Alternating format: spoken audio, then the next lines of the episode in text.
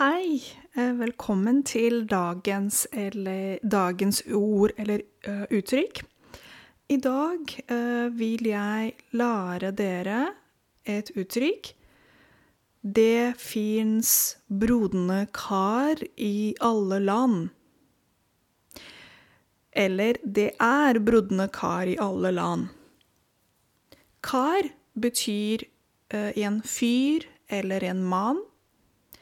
Og eh, broderen eh, Det er eh, Hvis du sier for eksempel 'brodent kar', det betyr sånn moralsk menneske. En person, eh, moralsk menneske. ok? Så broden skriver du B-r-o-d-d-e-n, men i flertall så blir det til brodne. Så hva betyr det fins brodne kar i alle land? Det betyr at det fins um, noen folk uh, i noen, noen folk i alle land som ikke er så bra. Så la oss gå til et eksempel. Uh, hvis du tenker på et land Det kan være hvilket som helst land i verden. Ja? Så vi sier at det fins brodne kar i alle land. Det betyr at det fins noen dårlige folk i det landet, men de fleste er gode mennesker, ikke sant? I hvert fall sånn tenker jeg.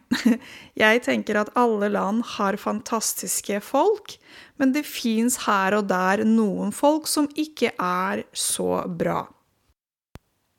Som for eksempel, i alle land så finnes det folk som er kanskje, jeg vet ikke, kriminelle. Kanskje folk som ikke er så moralske. ja.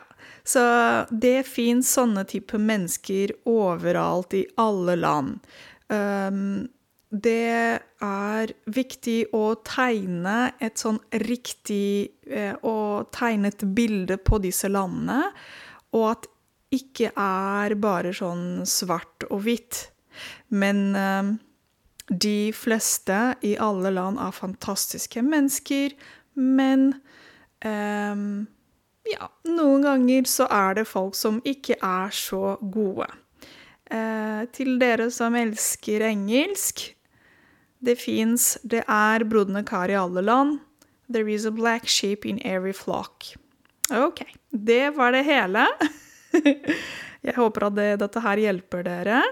Um, ha en fantastisk eh, dag videre, og vi høres snart igjen.